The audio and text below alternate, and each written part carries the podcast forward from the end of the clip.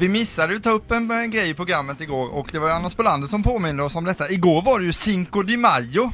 Denna Den mexikanska. mexikanska högtiden Jaha, och jag orkar inte vänta ett helt år med att ta upp det för det var ju egentligen igår då va? Så jag tar det nu. Vill ni veta lite mer om denna högtid?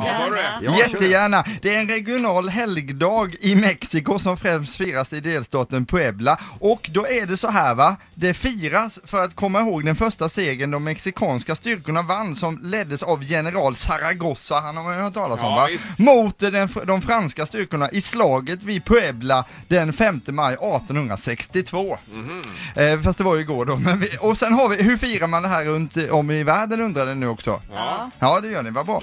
Då är det så här att till exempel så finns det en skydivingklubb nära Vancouver i Kanada som firar Cinco de Mayo skydiving-evenemang. På Caymanöarna i Västindien så finns det en årlig Cinco de Mayo luftgitarrtävling och på Malta där dricker man mexikanskt öl den 5 maj för att uppmärksamma Cinco de Mayo-dagen. där ja. Tycker Oj. det är en högtid som eh, har lite fallit bort här i, i där vi bor. I Göteborg. Men vadå, varför skulle vi fira det? Det är ju roligt ju med Cinco de Mayo va? Ja, det är firar, de, glädje. firar de midsommar i Mexiko då? Det vet jag inte.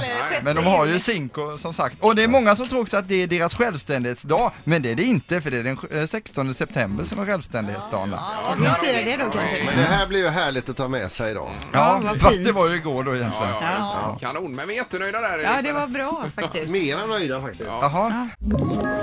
Ett poddtips från Podplay. I podden Något Kaiko garanterar östgötarna Brutti och jag, Davva, dig en stor dos skratt.